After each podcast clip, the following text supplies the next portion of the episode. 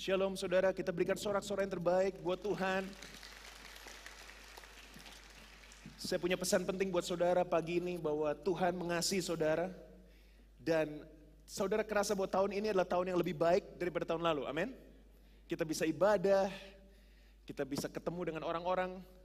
Tahun lalu salaman masih seperti ini, sekarang salam eh, lalu bisa fist bump, sekarang orang udah nggak sungkan untuk salaman ya. Lalu kalau saya jalan ke mana-mana orang sudah mulai merasa lebih aman dan lebih nyaman. So kita bersyukur buat Tuhan karena tahun ini tahun yang lebih baik daripada tahun lalu. Tapi janji Tuhan buat saudara pagi ini, Tuhan belum selesai di tahun ini. Masih ada berkat, mujizat, sukacita yang luar biasa yang Tuhan akan limpahkan buat saudara. Kalau saudara percaya kita berikan tepuk tangan sekali lagi buat Tuhan kita. Saudara kalau saya tanya saudara hari ini siapa yang percaya diberkati pasti semua angkat tangan. Tapi fokus khotbah saya pada hari ini bukan kepada anggur barunya, tetapi kepada kantong yang baru. Seringkali kita bicara soal berkatnya, bicara soal mujizatnya, bicara soal sukacita, tapi kita tidak siap menerima berkat itu. Kita akan lihat di ayat firman Tuhan, di hari ini langsung aja kita ke Lukas 5 ayat 37 sampai 38. Ini yang akan menjadi ayat perenungan kita pada hari ini. Mari kita baca ayat ini bersama-sama. Satu, dua, tiga. Demikian juga, tidak seorang pun mengisikan anggur yang baru ke dalam kantong kulit yang tua. Karena jika demikian, anggur yang baru itu akan mengoyakkan kantong itu, dan anggur itu akan terbuang dan kantong itu pun hancur. Tetapi anggur yang baru harus disimpan dalam kantong yang baru pula. Saya tanya saudara, anggur yang baru harus disimpan di mana? Kantong yang baru. Nah saudara saya ada ilustrasi bisa dibawakan ke depan. Kita akan belajar hari ini apa bedanya kantong yang lama dengan kantong yang baru. Karena untuk cari di Tangerang kantong anggur susah, sudah taruh di bawah Pak. Ya makasih. Ya saya akan ke bawah deh, saya akan ketemu dengan saudara. Pak coba pegang Pak, ini bedanya apa? Bapak ke sini tolong. Nah ini sepatunya bagus Pak. Pak bedanya ini kantong yang lama, ini kamera dapat ya? Oke, ini kantong lama ya. Ini kantong yang baru. Pak bedanya apa? Yang ini lama Pak, pegang dulu. Ya, ini yang baru. Bedanya apa Pak? Lembut. Oke, jadi yang lama keras, kaku, yang baru lembut. Silakan duduk Pak, kita berikan tepuk tangan buat Tuhan. Ini akan menjadi khotbah saya pada hari ini kita hanya akan bicara kantong yang baru. Kantong yang lama keras dan kaku. Kantong yang baru lembut dan mudah di, mau dibentuk apa pun bisa saudara. Ini saya bisa bentuk jadi pesawat terbang. Oh nggak bisa kayaknya. saya bisa bentuk ini jadi bola, saya bisa bentuk ini jadi apa pun karena kantongnya lembut. Nah saudara di perjanjian baru ada dua tipe kantong, kantong yang lama dan kantong yang baru. Kantong yang baru kainnya sangat lembut dan bisa bergerak dengan mudah, fleksibel sekali, diapa-apakan juga bisa. Saudara pernah ingat bahwa kita diumpamakan sama Tuhan sebagai tanah liat. Dan Tuhan itu penjunannya. Di mana kalau saudara mau menerima anggur yang baru, kantong baru bicara apa? Hati yang mudah dibentuk oleh Tuhan. Amin. Hati yang mudah dibentuk oleh Tuhan. Nah sayangnya saudara banyak sekali orang-orang yang tidak mau dibentuk oleh Tuhan seperti kantong yang kering ini. Saudara. Nah hari ini kita akan bicara beberapa hal mengenai perubahan. Saya akan tunjukkan saudara satu ayat yang penting, yaitu di Roma 12, ayat yang kedua, mari kita baca bersama-sama saudara. Kita baca bersama-sama ayat ini, satu, dua, tiga, janganlah kamu menjadi serupa dengan dunia ini. Tetapi apa? Berubahlah, sekali lagi apa? Berubahlah oleh pembaharuan budimu, sehingga kamu dapat membedakan manakah kehendak Allah, apa saudara, yang baik, yang berkenan kepada Allah, dan yang yang mau terima yang sempurna, lambaikan tanganmu, kita berikan sorak-sorai buat Tuhan, amin. Kita nggak mau menjadi kantong kering yang hanya menerima yang baik. Atau yang lumayan. Kita mau punya kantong yang baru supaya kita bisa terima yang sempurna dari Tuhan. Saat perjamuan di Kana, sampai pemimpin pesta bilang kepada yang punya pesta, biasanya orang menghidangkan anggur yang baik, yang buruk dulu, eh sorry, yang baik dulu. Lalu kalau orang sudah banyak minum, kasih yang gak baik. Tapi engkau menyimpan yang baik sampai sekarang. Bahasa Inggris, you have saved the best till now. Tahukah saudara, bapak ibu jemaat sekalian, berkat Tuhan di masa lalu luar biasa. Tapi berkat Tuhan buat kita di hari-hari depan, itu lebih besar dari apa ini masa lalu, amin. Mujizatnya lebih besar, sukacitanya lebih besar. Nah, tapi ada beberapa hal yang kita harus tahu. Apa nih yang harus kita lakukan? Yang pertama adalah change atau perubahan. Kata perubahan dalam perjanjian baru terambil dari kata metamorfo. Yang saudara belajar biologi, saudara akan tahu apa itu metamorfo. Kita sering dengar ulat menjadi kupu-kupu. ya Metamorfosis. Apa itu metamorfosis? Perubahan dari ulat itu yang sangat buruk rupa, menjijikan, takut, anak-anak kecil nggak ada berani pegang. Menjadi kepompong, lalu menjadi kupu-kupu. Tidak ada satupun kupu-kupu di dunia ini yang lahir langsung kupu-kupu, betul? Seringkali saudara dan saya, Tuhan saya mau langsung diberkati. Lulus S1 langsung jadi miliuner. Anak-anak muda terinspirasi dengan Mark Zuckerberg. Mark Zuckerberg seumuran saya persis, saudara. Tapi bedanya dia college dropout, nggak lulus kuliah, tapi menemukan Facebook bilioner. saya lulus kuliah tapi belum bilioner. Saya percaya saya bilioner di dalam kerajaan Allah. Amin, saudara. Ya, jadi banyak orang kelahiran tahun 80, tahun 90 melihat Mark Zuckerberg. Semua pengen jadi Mark Zuckerberg, penemu Facebook. Sekarang yang paling terkaya di dunia siapa namanya Elon Musk. Itu masih umur 42 tahun, saudara. Ya, dia penemu Tesla, uh, mobil itu dan juga banyak investment lainnya. Dia mau beli Twitter kemarin. Dan saudara Elon Musk juga masih sangat muda. Mengalahkan yang tua-tua, Bill Gates, Warren Buffett udah kalah semua. Sehingga orang maunya langsung perfect. Ya banyak anak-anak muda pingin dapat pasangan yang sempurna, kerjaan yang sempurna, gaji yang sempurna, haleluya ya, nilai yang sempurna, tapi nggak melewati proses, mau katakan proses. Semua melewati proses perubahan terus menerus sampai sempurna. Coba lihat gambar ini. Saudara masih ingat yang paling kiri saudara gambarnya? Ini HP zaman jebot saudara. Motorola 8900, saudara tahu nggak ini harganya berapa? Tahun 1984, harga Motorola 8900X itu 4000 US dollar. 80 juta dapat HP jebot tuh paling sebelah kiri. Nah ini HP dual fungsinya. Bisa buat telepon juga buat bisa nimpuk maling saudara ya. Jadi kalau ada maling datang ditimpuk. Nah saya pernah lihat itu filmnya Chow Yun Fat. Nih. Siapa yang tahu Chow Yun Fat? Ya Chow Yun Fat itu God of Gambler. Ya, satu, dua, tiga di Hong Kong. Saya pernah lihat dia filmnya, dia di mobil, dia pakai HP warna hitam. Saya lihat itu ketawa, saya ngakak. Anak saya lihat, Dad, what is that?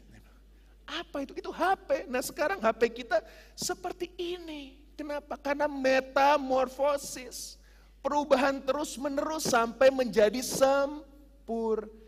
Sayangnya banyak orang Kristen tidak mau berubah karena merasa sudah cukup lah. Saya sudah cukup baik, saya sudah cukup happy, saya tidak perlu berubah. Saya tidak perlu berubah seperti Kristus. Padahal saudara Tuhan mengajak kita berubahlah oleh pembaruan akal budimu. Paling klasik ceritanya kalau ke gereja, ya kan ibu bapak ke gereja suami istri. Dengar pendeta khotbah bapak ibu bapak harus sabar. Ya terus ibunya senggol-senggol suaminya tuh dengerin sabar loh gitu. Disenggol terus selama setengah jam sabar loh. Tapi terakhirnya bapaknya setengah jam kemudian khotbah pendetanya bukan soal sabar. Ibu-ibu harus bela, uh, saudara harus belajar pengendalian diri. Kalau shopping jangan terlalu gantian. Bapaknya yang senggol tuh lu shopping kebanyakan setiap kali kita dengar khotbah selalu itu buat kamu. Ya kalau nggak kita lagi dengar khotbah di sini, aduh harusnya pastor, anak saya dengar tadi. Harusnya orang tua saya dengar padahal saudara setiap saudara datang ke rumah Tuhan, tahukah saudara? Tuhan mau menegur saudara dan mengubah hati saudara. Firman Tuhan itu buat saudara karena perubahan mulai dari saya. Kita expect orang lain berubah, kita tidak mau berubah. Seorang suami istri mau cerai, istrinya nggak mau, suaminya minta cerai. Lalu mereka ke pengadilan, mereka coba dilerai oleh pendeta dan juga hakim. Lalu suaminya mengadakan list sekitar 70 karakter atau 30 karakter yang istrinya harus berubah. Kalau kamu nggak mau cerai dengan saya, kamu harus berubah ini semua. Jangan cerewet. Kedua, jangan pelit. Ketiga, jangan bawel. Loh, bawel sama cerewet sama saudara ya. Ditanya sama hakimnya, kalau bapak sendiri gimana? Adakah list perubahan yang bapak mau komit? Oh saya nggak perlu berubah. Karena masalah rumah tangga ini istri saya. Saya nggak perlu berubah. Bapak ini nggak tahu di mata Tuhan, Tuhan geleng-geleng lo yang harus bertobat katanya. Mari ibu-ibu kita berikan tepuk tangan buat Tuhan ya. Demikian juga ibu yang bilang, aduh suami saya nggak pernah di rumah. Makannya selalu di luar. Ya mungkin ibu makan, masaknya keasinan bu. Mungkin sayur asam keaseman jadi asam lambung bu. Sehingga harus berubah, kita semua harus berubah. Saya waktu pertama kali menikah dengan istri saya, wah setahun pertama kita pikir bulan madu kan saudara ya. Katanya kalau baru menikah tuh bulan madu semuanya sweet. Enggak loh saudara. Setahun pertama, dua tahun pertama boleh dibilang, waduh itu banyak keributan saudara. Kenapa? Dua orang berbeda, dari keluarga berbeda. Saya Chinese Palembang, ini Chinese Manado, mumpul jadi satu walaupun sama-sama Kristen, sama-sama melayani. Berbeda sekali. Masalah odol aja bisa berantem saudara. Istri saya kalau odol itu dia selalu dari bawah dia tekan. Kalau saya dari, selalu dari atas. Jadi nggak imbang gitu. Lalu dia tuh pelit sekali memang. Jadi kalau dia odol itu sampai dilipat-lipat sama dia saudara. Sampai titik odol penghabisan. Kalau saya masih ada sisa saya buang. Dia bilang ini pemborosan. Itu cuma berapa sen saudara. Masalah odol bisa berantem. Saya bikin indomie kan berantakan. Kalau bikin indomie bumbunya selalu berceceran di mana-mana. Sehingga masuk ke dalam mie itu bumbunya cuma setengah. Karena yang lain masuk ke bawah saudara. Ke lantai dibilang, ini kamu kalau bikin indomie nggak ada rasanya. Kok bisa yang ada rasanya? Karena bumbunya terpencar di bawah. Hal-hal kecil membuat keributan besar, tetapi tahun ketiga, tahun keempat, tahun kelima, sampai sekarang istri saya mengakui, Riza Kasidi kalau bikin kopi di rumah, itu kopi terbaik seluruh dunia, saudara. Karena saya tahu takarannya, saya tahu kesukaannya, saya berubah supaya saya bisa semakin baik melayani istri saya. Demikian juga dengan istri saya. Saudara suami istri kalau mau langgeng, tidak ada keributan di rumah, nggak cukup doa bareng. Harus sama-sama berapa saudara? Berubah. Perubahan bukan hanya karakter tapi juga keterampilan. Pendeta komplain, pastor, jemaat saya tuh pastor, kalau lagi khotbah nih, apalagi kalau jemaat yang pagi ibadah jam 8, ibadah jam 7, saudara tahu ibadah paling pagi, itu saya pernah khotbah di Menteng 6.30. Saudara 6.30 burung aja belum bangun saudara. Saya sudah khotbah, itu oma-oma dari haleluya, shalom, haleluya, Jesus. Begitu saya khotbah tertidur di dalam roh, saudara. Bukan berbahasa roh karunianya, tertidur dalam roh. Itu tidak ada di 1 Korintus 12. Saya dulu ngomel, kenapa sih? Kalau khotbah pagi itu berat suasananya, kok orang tertidur? Yang berubah jangan bukan jemaatnya yang harus berubah. Saya yang harus berubah. Makanya kalau saudara perhatikan, saya setiap kali satu, dua kali slide selalu ada jokes, Selalu ada ilustrasi supaya saudara tidak terlelap dalam roh, tapi berapi-api dalam roh. Amin. Kenapa saya sering minta saudara tepuk tangan, beri kemuliaan buat supaya engaging. Kita harus berubah, nggak cuma karakter tapi keterampilan. Bapak punya restoran, resepnya sama terus selama 30 tahun, it's okay.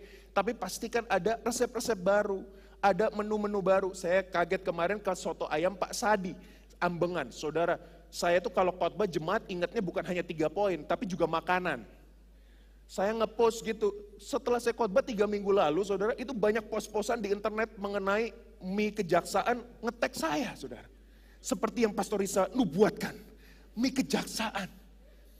Apa nubuatan saya untuk kehidupan saudara bukan untuk mie, saudara. Ya saya itu lagi makan di soto ayam Pak Sadi Ambengan itu cuma sotonya terkenal. Ternyata sekarang jual nasi goreng, jual capcay, jual macam-macam. Kenapa? Inovasi berubah terus untuk menyesuaikan keadaan. Ingat pertama kali kita ada zaman ojol, ojek online, grab, gojek, taksi marah-marah, betul? Sekarang kita bisa ada taksi, ada ojek online, semua inovasi. Semua harus berubah, semua katakan berubah. Nah saudara, apa yang harus kita ubah hari ini? Ini spesifik buat jemaat di Christ Cathedral. Tuhan bicara buat saya tentang comparison. Sudah lihat di Lukas 5 ayat 30, ini adalah asal mulanya kenapa Tuhan Yesus bicara soal anggur baru di kantong yang baru. Asal mulanya sebetulnya itu orang Farisi komplain kepada Tuhan Yesus karena Tuhan Yesus menjangkau Matius. Injil pertama ditulis bukan Matius, Markus. Tapi Matius salah satu penulis Injil pertama. Tahukah saudara Matius itu murid Tuhan, tadinya pemungut cukai. Pemungut cukai dibenci di dalam perjanjian baru 2000 tahun lalu karena pemungut cukai memeras. Dia tidak hanya mengambil pajak buat pemerintah Romawi, tapi dia juga mengambil untuk keuntungan diri sendiri. Tapi yang menarik Matius ini, nama lainnya kalau di Lukas adalah Lewi. Mestinya imam loh Lewi ya. Tapi dia pemeras. Orang Farisi komplain Tuhan, kenapa kamu makan dan minum bersama orang berdosa?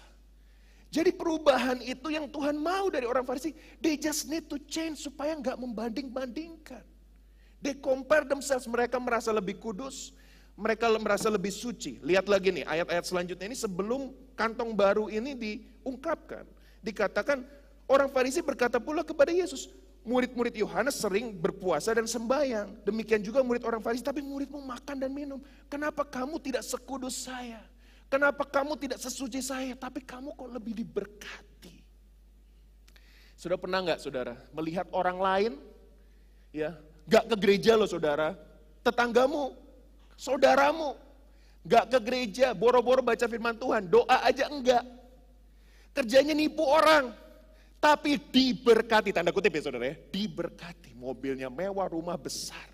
Saudara bilang, pastor saya ke gereja tiap minggu. Doa pagi tiap pagi, baca firman, kok saya berkat biasa-biasa. Mazmur bilang, janganlah tertarik dan iri kepada harta orang fasik. Kenapa Tuhan tahu? Yang membatasi kita selama ini nggak diberkati saudara. Yang kantung lama nih, kantung yang kaku ini apa nih? Ini bicara soal perbandingan comparison. Tahukah saudara Theodore Roosevelt berkata comparison is the thief of joy. Saudara dapat sepeda baru, bagus sepedanya. Wah keren sepedanya harganya 500 ribu. Puji Tuhan, terima kasih Tuhan. Eh saudara keluar tetangga saudara dapat sepeda baru harganya 5 juta. Langsung saudara sembunyiin yang 500 ribu saudara. Kenapa? Karena saudara merasa dia lebih diberkati dari saya. Apakah hukum Tuhan? Jangan ada padamu Allah lain di hadapanku. Janganlah membuat patung berhala dan menyembahnya. Janganlah menyebut nama Tuhan dengan sembarangan. Ingat dan kuduskanlah hari sabat. Hormatilah ayahmu dan ibumu supaya panjang umurmu di tanah yang kuberikan kepada, kepadamu. Amin. Jangan membunuh, jangan mencuri, jangan bersinah. Tetapi yang paling parah saudara, jangan memfitnah. Itu juga berat sih. Tapi yang paling berat sebetulnya bukan yang 1 sampai 9. Gak ada yang membunuh di sini. Walaupun definisi pembunuhan di perjanjian baru adalah kalau saudara memfitnah orang itu sudah membunuh menurut Alkitab perjanjian baru. Jadi di sini banyak pembunuh-pembunuh berkeliaran saudara ya. Tapi yang paling berbahaya adalah yang ke-10. Apa hukum ke-10? Janganlah mengingini milik sesa. Ini dosa kita tiap hari keluar rumah lihat mobil, aduh bagusnya mobil itu. Gak apa-apa sih kalau cuma aduh bagus, tapi kalau ke saudara sudah mulai bilang, Tuhan kok aku gak punya mobil sebagus dia. Tuhan kok bojoku nggak seganteng dia. Istriku kok nggak secantik dia. Itu sudah mulai hukum ke-10. Di mana kita mengingini milik orang lain. Itu orang Farisi, they want what Jesus had. Mereka pingin seperti Matius kok bisa direkrut sama Tuhan ya. Padahal aku lebih kudus loh Tuhan. Aku lebih suci loh Tuhan. Waduh itu zaman saya anak muda ya saya umur 18 tahun. Pelayanan pembina anak muda ada enam orang, saingan untuk berkhotbah gitu. Saingan untuk siapa nih yang selanjutnya dipilih oleh gembala untuk berkhotbah. Ya ampun saudara, begitu satu dipilihkan, kamu berkhotbah Jumat ini. Pada jemaat cuma 30-40 orang, aduh yang lain irinya luar biasa. Kenapa? Bukan karena iri sama dia, karena kenapa tidak saya? Mulai membanding-bandingkan. Saya dikasih Tuhan mobil sangat sederhana, saya nggak perlu tunjukkan fotonya karena foto zaman jadul dulu rambut saya seperti Tao Ming Se, saudara. Mobil saya yang pertama itu tidak ada AC-nya. 1100 cc, tinggi saya 182, masuk mobil pendek saudara. Itu kayak, bayangin saya naik sepeda motor Vespa, mohon maaf saudara ya. Gak cocok kan, cocoknya Harley Davidson, bener. Saya pakai mobil kecil, aduh mahal. Saya waktu dapat diberkati bersyukur, terima kasih Tuhan. Saya cuma mau mobil supaya bisa pelayanan, bisa jemput-jemput orang. Makasih Tuhan buat mobil ini, bersyukur loh saudara. Benar-benar bersyukur. Saya bawa mobil ke gereja, ke kebaktian anak muda. Begitu saya parkir di, di gereja di kebaktian anak muda, masuk mobil Nissan Skyline 2001. Dua pintu, bannya lebih gede dari mobil saya, saudara. Nalpotnya besar banget, saking besarnya, bunyinya bum bum bum. Waduh, dari satu kilometer udah kedengeran itu saudara. Saya pikir sangka kalah berbunyi Tuhan Yesus datang. Ternyata knalpot Skyline 2001. Begitu Nissan Skyline datang, ini rasa syukur saya, rasa berkat saya itu hilang semua. Saya bilang, Tuhan engkau tidak adil. Lah ampun setengah jam yang lalu ini anak muda baru terima kasih Yesus. Engkau sungguh baik. Setengah jam kemudian lihat orang lain lebih diberkati, Tuhan engkau tidak adil. Kita itu akan tidak pernah puas, tidak akan pernah menampung anggur yang baru selama kita terus membanding-bandingkan dengan orang lain. Maka itu hukum ke-10 paling berat. Kenapa? Sengaja Tuhan taruh di ke-10. Tuhan bilang, you nggak akan sanggup. nggak apa membanding-bandingkan. Tapi saudara ada kuncinya. Tahu nggak kuncinya supaya nggak membanding-bandingkan apa? Oh, paling parah. Coba lihat ayat sebelumnya. Ini paling parah nih orang Farisi nih. Lukas 5 ayat 39. Coba slide selanjutnya. Orang Farisi, Tuhan Yesus bilang gini, orang Farisi itu nggak mau Yesus kan? Orang Farisi bilang anggur lama lebih baik. Wah, ini paling parah, saudara. Orang-orang seperti ini orang-orang yang bilang, aduh berkat Tuhan di masa lalu lebih baik daripada di masa ini. Seperti istri Lot, dia mau masuk ke tanah perjanjian, dia mau diberkati bersama dengan Abraham, dia mau diberkati Tuhan di tanah yang baru. Dia bilang, kayaknya yang di belakang lebih bagus. Udah gue mau balik aja dia balik, dia menjadi tiang garam. Yang harusnya menjadi momen revival, menjadi monumen yang gak ada artinya. Maka itu dari awal saya bilang buat saudara, jangan ingat-ingat berkat masa lalu. Halo, amin. Saudara boleh lihat balik dan bilang terima kasih, terima kasih Tuhan, gak apa-apa. Tapi jangan saudara bilang begini, Tuhan berkat saya yang lalu lebih baik dari sekarang. No, kenapa saya bilang buat jemaat CC, berkat Tuhan di masa depan, anggur baru selalu lebih baik dari anggur yang lama yang percaya katakan amin. Aduh zaman 20 tahun lalu naik motor besar keliling Jakarta, rambut gondrong, belum ada polusi kayaknya hidup lebih enak. Tidak. Hidup lebih enak itu di depan kita. Amin. Tuhan sudah janjikan kok. Masa depanmu sungguh ada. Dan harapanmu tidak akan hilang. Yang percaya katakan amin. Saudara yang kedua, saya mau berikan solusi buat saudara. Pastor, kalau gitu gimana cara saya stop membandingkan diri saya dengan yang lain? Caranya ada satu kata, namanya contentment. Nah ini kata bahasa Indonesia kurang tepat, karena menurut Cambridge, contentment itu bukan kecukupan. Contentment adalah kebahagiaan dan satu kepuasan karena kita punya segala yang kita butuhkan. You have everything you need. Slide selanjutnya. Inilah ayat di mana kita dapat lagu. Christ is enough for me. Christ is enough for me. Terus apa kata kasarnya? Everything I need is Ya kan? 2 Petrus 1 ayat 3 bilang apa? Tuhan memberikan kita segala yang kita perlukan untuk hidup godly life. We have received all this for coming to know him. Paulus bilang, yang ku kehendaki bukan kekayaan, bukan harta karun. Yang ku kehendaki ialah mengenal dia. Saya kasih ayat saudara lagi ya, 1 Timotius 6 ayat 8. Eh 1 Timotius 6, coba coba coba tampilkan saudara.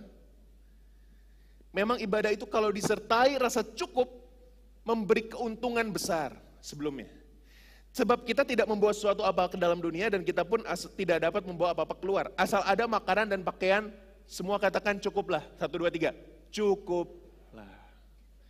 Lalu lanjut lagi, Paulus bilang, ini anak muda nih di, di sama Paulus. Ayo lanjut. Tetapi mereka yang apa saudara? Ingin kaya. Saudara saya tanya saudara, ayat ini, ini mereka yang kaya atau ingin kaya? Benar, ada kata ingin ya? Jadi saudara, kaya itu boleh, amin. Yang ngamen cuma satu orang, kaya itu boleh, amin. Tapi yang nggak boleh apa? Yang ingin kaya. Nah inginnya ini apa? Ingin kaya dengan membandingkan dirinya dengan orang lain. Terjatuh ke dalam pencobaan, mencelakakan dan lain sebagainya. Lanjut lagi, mereka bilang apa? Karena akar segala kejahatan ialah cinta uang, sebab oleh memburu uang beberapa orang telah menyimpang dari iman dan menyiksa dirinya dengan berbagai-bagai duka. Gaji sebulan 10 juta nyicil Pajero, berat saudara, cicilan Pajero sebulan 9,5. Kalau ambil 3 tahun, kok tahu pastor, sana saya cicil Pajero dulu. Ya, Saudara dulu saya diingetin Tuhan, saya ditegur Tuhan. Makanya ini, ini khotbah, ini benar-benar Tuhan.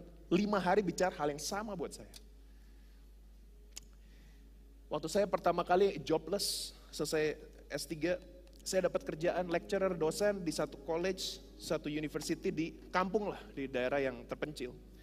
Saya mengajar, ya. Lalu, ya waktu saya udah habis. Ini tanda khotbah sudah mau selesai itu keyboardis maju ke depan, saudara kalau kalau singer sudah maju ke depan berarti itu sudah benar-benar selesai. Selama keyboardis di situ masih masih ada waktu. Nah saudara, nanti dulu bro, jadi tegang nih. Nah jadi begini, saya itu lagi lagi uh, kerja, dapat gaji pertama, dapat gaji pertama. Cuma nggak nggak besar gajinya, saya nggak akan sebut juga angkanya. Karena kalau di ibadah satu saya sebut angka sungkan, jadinya banyak saudara lebih senior ya. Kalau di ibadah tiga saya ngomong. Jadi saya nggak akan sebut angka, saya dapat gaji, terima kasih Tuhan. Itu saya berlutut loh saudara, terima kasih Tuhan. Gaji, terima kasih Tuhan. Perpuluhan, thank you Jesus. Hidup enak-enak aja, rumah ngontrak, ngekos.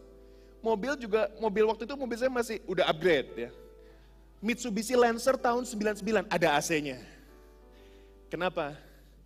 Karena Tuhan tahu ya, Tuhan memang menyediakan ya. Waktu saya ketemu istri saya Stefani, mobil saya sudah ada AC-nya. Kalau enggak kasihan kan anak Pastor Billy masa kepanasan di mobil. Jadi saya dapat Lancer waktu saya udah beli, saya nggak masalah, nggak pingin tuh mobil Eropa apa. Tapi dapat naik pangkat, gaji lebih tinggi. Mulai mikir, aduh Tuhan, itu mobil yang mata kucing itu lumayan ya. Itu hitam saking mengkilap, itu kalau hitam mengkilap itu seperti malaikat lewat saudara. Saya mulai lihat harga berapa, saya mulai cicil. Beban hidup mulai berat. Renovasi rumah, punya rumah sendiri, dan lain sebagainya. TV dulu saya happy tuh TV kecil tuh yang 21 inci gitu kan saudara. Anak-anak muda sekarang monitor komputer aja harus 35 inci saudara. Dulu TV kita kan kecil happy kan saudara. Dulu ingat gak zaman-zaman dulu bapak-bapak ingat gak? Zaman-zaman dulu kalau nonton sepak bola TV-nya kecil, satu TV setuju orang betul? Sekarang satu rumah tiga TV saudara. Lalu waktu saya mulai beli TV besar, beli ini, saya merasa kurang terus. Dan kemarin ada kenaikan gaji di tempat saya bekerja cuma naik satu persen. Saya dapat email nih naik satu persen. Eh Tuhan tegur saya loh sudah. Saya dapat email naik satu persen, saya ketawa. naik satu persen, aduh kecil. Tadi pagi Tuhan bilang, eh Riza kamu dosa, kamu tobat dulu nih sebelum khotbah nih. Sebelum khotbah di CC, lu pendeta lu tobat dulu, kenapa? You harus bersyukur. Kenaikan gaji sekecil apa pun, itu berkat Tuhan, amin. Saya tobat lu saudara tadi pagi sebelum saya khotbah, Tuhan ampun Tuhan. Saya mau bersyukur, kenapa? Saudara, kita, kita, kita pikir berkat kecil kenapa? Aduh, karena kita bandingkan dengan yang lain. Tapi kalau kita lihat saudara, anugerah Tuhan begitu besar. Berkat sekecil apa pun, mari kita bersyukur. Karena kita tahu kita cukup. Amin. Saudara saya nggak masalah saudara beli mobil mahal, rumah mahal, perhiasan, tas-tas Eropa dan lain sebagainya. It's okay. Tapi yang masalah begini, waktu kita mulai ingin kaya, karena kita pikir, wah kalau saya mau berhasil saya harus seperti dia. Kita memaksakan kemampuan kita. Gak bisa beli tapi paksain beli. Gak bisa beli tapi paksain beli. Itu udah gak sehat. Itu akan menghancurkan kulit saudara. Sehingga waktu berkat datang saudara bilang, kurang, kurang, kurang. Saya punya satu pesan buat saudara. Kalau saudara pulang dengan satu pesan, ingat pesan ini. Tuhan bilang buat saya, bilang ke jemaat CC, selama mentalitas kita masih membanding-bandingkan dan gak pernah cukup, anggur baru sebanyak apa pun, saudara gak akan puas. Saya tahu tuh ketemu anak muda mobilnya Jaguar. Dia nggak puas, wah duit saya kurang banyak dia judi, judi, judi, judi. Akhirnya mobil Jaguar dijual untuk bayar hutang judinya, saudara. Di kasino di Australia. Kenapa? Karena kurang, kurang, kurang. Tapi kalau kita merasa cukup, cukup, cukup. Itu kantung yang baru. Dan Tuhan bilang, kalau jemaat ini bilang, terima kasih Tuhan. I have everything I need is in you. Ini cukup Tuhan saya akan cukupkan. Eh firman Tuhan bilang apa? Cukupkanlah dirimu dengan segala yang ada. Amin. Karena kita punya apa pun dalam Kristus. Saudara menjadi kantung yang lembut. Dan Tuhan bilang, wah karena saudara bilang cukup, cukup, cukup. Maka aku akan melimpahkan kepadamu. Karena saudara Tuhan tahu, kalau Tuhan berikan anggur baru, saudara nggak mungkin foya-foya. Kenapa? Karena cukup. Kepuasan kita dalam Kristus. Bukan dalam berkat yang setuju katakan. Kita berikan sorak-sorai buat Tuhan. Siapa yang mau jadi kain yang lembut seperti ini?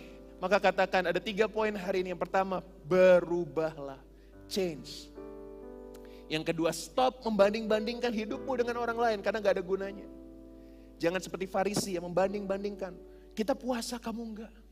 Kenapa Yesus kumpul sama pemungut cukai? Kenapa begini, kenapa begitu? Kering, gak, gak fleksibel, kaku. Gak bisa dibentuk, susah banget nih mau ditekuk, susah banget saudara, susah banget. Karena kaku. Ini bagaikan bejana tidak dibentuk. Bagaikan bejana tidak dibentuk kain yang kering. Tapi kalau kain yang lembut, dia seperti bejana yang siap dibentuk, tanah liat yang lembut. Sehingga ke mana pun Tuhan panggil saudara, di mana pun saudara berada, saudara bilang, saya cukup Tuhan. Justru orang-orang yang sederhana, yang bilang, it's enough Tuhan akan limpahkan. Orang-orang yang bilang kurang, kurang, kurang. Tuhan bilang, ah lu kurang-kurang terus ya udah deh nggak usah deh. kurang terus. Ya kan? Saya sampai kemarin bikin budgeting sama istri saya, saya tuh tanya pertanyaan jujur. Ini bapak-bapak pasti ngerti nih dari sisi, eh saya mau sharing di sini nggak tahu. Saudara bisa menjaga rahasia nggak? Coba lihat dong tampang kanan kirinya ini bisa menjaga rahasia nggak? Kayaknya nggak bisa udah deh, nggak usah deh, nanti aja ibadah. Mau dengar? Oke. Saya bawa anak saya dua kemarin ke Jakarta. Kadang-kadang kalau tiket lagi murah, ada berkat lebih, saya beli tiket yang lebih enak, kursi yang lebih luas. Supaya mereka bisa tidurnya tergeletak saudara ya. Tapi lagi mahal, tiket lagi mahal banget. Saudara tahu tiket lagi mahal banget, maka itu saudara nggak usah ke mana-mana deh, di CC aja datang ibadah terus setiap minggu. Amin saudara? Saya harus beli tiket, anak-anakku udah gak ketemu opanya, Zevi udah gak ketemu opanya hampir setahun. Kasihan. Ya udah harus beli tiket, mahal ampun, ampun mahalnya luar biasa. Ya udah deh, karena mahal, udah saya beli yang ekonomi aja, duduk di belakang. Karena terakhir kali kita terbang dia duduk di bisnis, biasa biasa ter, tergeletak seperti itu. Dan ternyata Zayden tingginya udah tambah kan. Mereka nggak bisa tidur. Nggak mungkin tidur di lantai kan saudara kan. Jadi mereka desek-desekan gitu. Lalu Zayden bilang gini ke saya, keluar dari pesawat sampai di Jakarta dia bilang gini loh. Ini bisa jaga rahasia nggak nih? Yakin ya? Nanti recordingnya di-cut aja yang ini nggak enak saya nih. Bisa kan? Diedit ya. Oke. Dia bilang, I don't like economic class. I want business. Kedengaran pramugari, aduh malunya luar biasa saudara. Muka saya putih penuh roh kudus gini jadi merah sudah kayak tomat. Merah, marah, malu, aduh, aduh. Saya, aduh itu kuping merah ini cerita gini aja malu loh saudara. Saya pergi, udah jauh dari orang saya bilang, Satan, do not ever say that. Itu sangat-sangat rude Satan. Dia nggak tahu kan anak kecil, dia ngomong aja kan. Terus saya ada perasaan bersalah di hati saya. Aduh, sebagai bapak saya nggak bisa beliin dia tiket yang terbaik. Saya ada bersalah, tapi di, on the other hand, saya ingat ayat ini. Cukupkanlah dirimu. Saya bilang ke Zeden, Zeden, saya kasih dia pep talk ya, ini khotbah nih ke anak. Papa nggak selalu bisa beli tiket yang terbaik, nggak selalu bisa yang paling enak, tapi kamu harus bisa bersyukur buat segala apa yang ada. Karena hidupmu one day akan mengalami struggle. Semua anak kita akan mengalami struggle. Gak bisa makan enak terus setiap hari. Satu kali mereka juga punya anak akan mengerti juga. Jadi saya memilih untuk hidup sederhana. Saya bilang ke Zaidan, kalau bisa naik pesawat lebih enak, kursi lebih panjang, bersyukur. Kalaupun tidak bersyukur. Mau naik yang yang pesawat bagus bersyukur, pesawat nggak bagus bersyukur. Apa pun yang kita terima, apa pun yang kita dapat dari Tuhan, mari mulai hari ini kita punya mentalitas bersyukur. Supaya kita tidak seperti orang Farisi yang kantungnya kering dan gak bisa dibentuk. Tapi kita seperti murid-murid Kristus punya kantong yang baru. Supaya waktu anggur baru datang, mujizat baru, sukacita baru, berkat baru datang. Kita terima dengan berkelimpahan. Karena kita orang-orang yang berkecukupan di dalam Kristus. Yang percaya katakan, God bless you. Mari kita bangkit berdiri sama-sama. Kita minta Tuhan ubah hati kita hari ini. Ku mau sepertimu Yesus. Di sempurnakan selalu dalam segenap jalanku. Dalam segenap jalanku memuliakan namamu. Ku mau sepertimu Yesus Tuhan. Ku mau sepertimu Yesus disempurnakan selalu dalam segenap jalanku Memuliakan namamu. memuliakan namamu.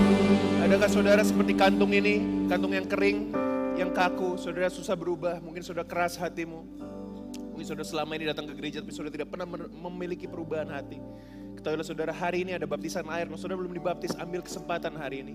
Untuk saudara bisa menerima baptisan air, just come to our counter. We will baptize you. Kita ada baju buat saudara, tenang aja. Saya ingin membaptis saudara di kolam, I will baptize you. I will come there, I will baptize you. Jangan tanggung-tanggung. Ikut Tuhan jangan tanggung-tanggung. Tapi ada saudara seperti kain kering ini. hatimu nggak pernah puas, kurang terus, kurang terus. Mungkin karena anak kita, karena istri kita, karena tetangga, dan lain sebagainya. You feel that you never enough. Ketahuilah hari ini Tuhan Yesus enough buat kita. Dan dengan ilustrasi ini saudara, kain yang kering masuk ke dalam air, disempurnakan, diperbaharui, dipenuhi dengan kuasa Tuhan. Maka kantung sekering apa pun hari ini dengan kuasa Tuhan bisa menjadi lembut seperti baru. Maukah saudara seperti kantung yang kering ini? Saudara bilang, Tuhan ubah hatiku hari ini Tuhan. Aku mau sepertimu Yesus, aku mau diubahkan. Kalau itu saudara, mari tutup mata saudara semuanya di tempat ini. Angkat tanganmu online and onsite. Angkat tanganmu hitungan ketiga, saya mau berdoa buat saudara. Satu, Tuhan Yesus mengasihimu. Dua, kantung sekering apa pun akan diubah menjadi kantung yang baru untuk saudara siap menerima berkat, mujizat, dan sukacita yang baru. Kalau saudara mau menjadi kantung yang baru. Mari angkat tanganmu hitungan ketiga. Satu, dua, tiga. Terima kasih. God bless you. Terus lebih tinggi. Bapakku berbuat siap. Tangan yang terangkat Bapak. Ini adalah orang-orang yang mengasihi Tuhan. Ubah hati kami Tuhan menjadi baru. Ubah hati kami, berikan kami satu roh yang mengasihimu. Yang cukup, cukup, cukup. Karena kecukupan kami bukan dari kekayaan. Bukan dari berkat. Tapi dari pribadi Kristus. Seperti Paulus katakan Tuhan. Pagi ini jemaat saya, saya mau berkata. Yang ku kehendaki ialah mengenal dia dan kuasa kebangkitannya. Itu saja yang kami ingini Tuhan. Mari ubah hati kami, ubah hidup kami dalam nama Yesus. Turunkan tanganmu, kita berikan tepuk tangan buat Tuhan.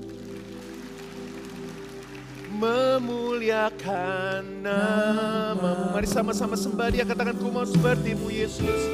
Ku mau sepertimu Yesus disempurnakan selalu Dalam segenap jalanku.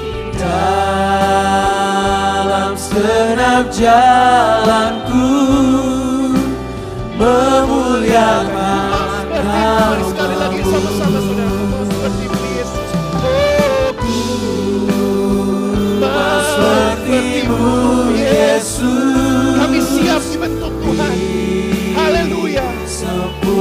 sempurnakan selalu Dalam segenap jalanku. dalam segenap jalanku Memuliakan namamu. memuliakan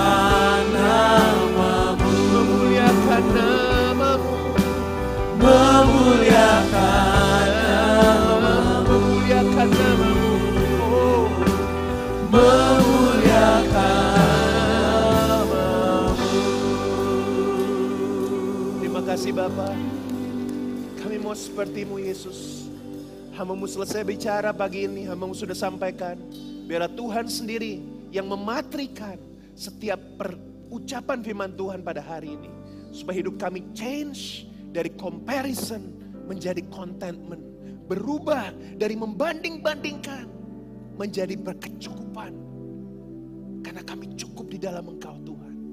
Mari jemaat yang dikasih Tuhan. Kita mau pulang dan menerima berkat Tuhan. Angkat tanganmu dan terimalah berkat Tuhan. Kiranya berkat rahmat dari Allah Bapa. Kasih karunia putra tunggal Allah Tuhan Yesus Kristus. Dan persekutuan daripada rohnya yang kudus. Menyertai kehidupanmu. Mulai hari ini. Sampai Tuhan Yesus datang yang kedua kalinya. Kantung yang lama yang kering. Diubah menjadi kantung yang baru. Supaya engkau siap menerima anggur yang baru.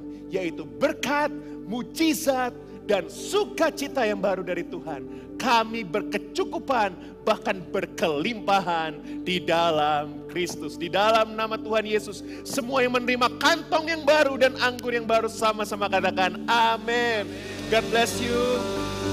Sampai ketemu hari Jumat di tempat ini jam 7 malam healing service. Dan sampai ketemu minggu depan. God bless you all.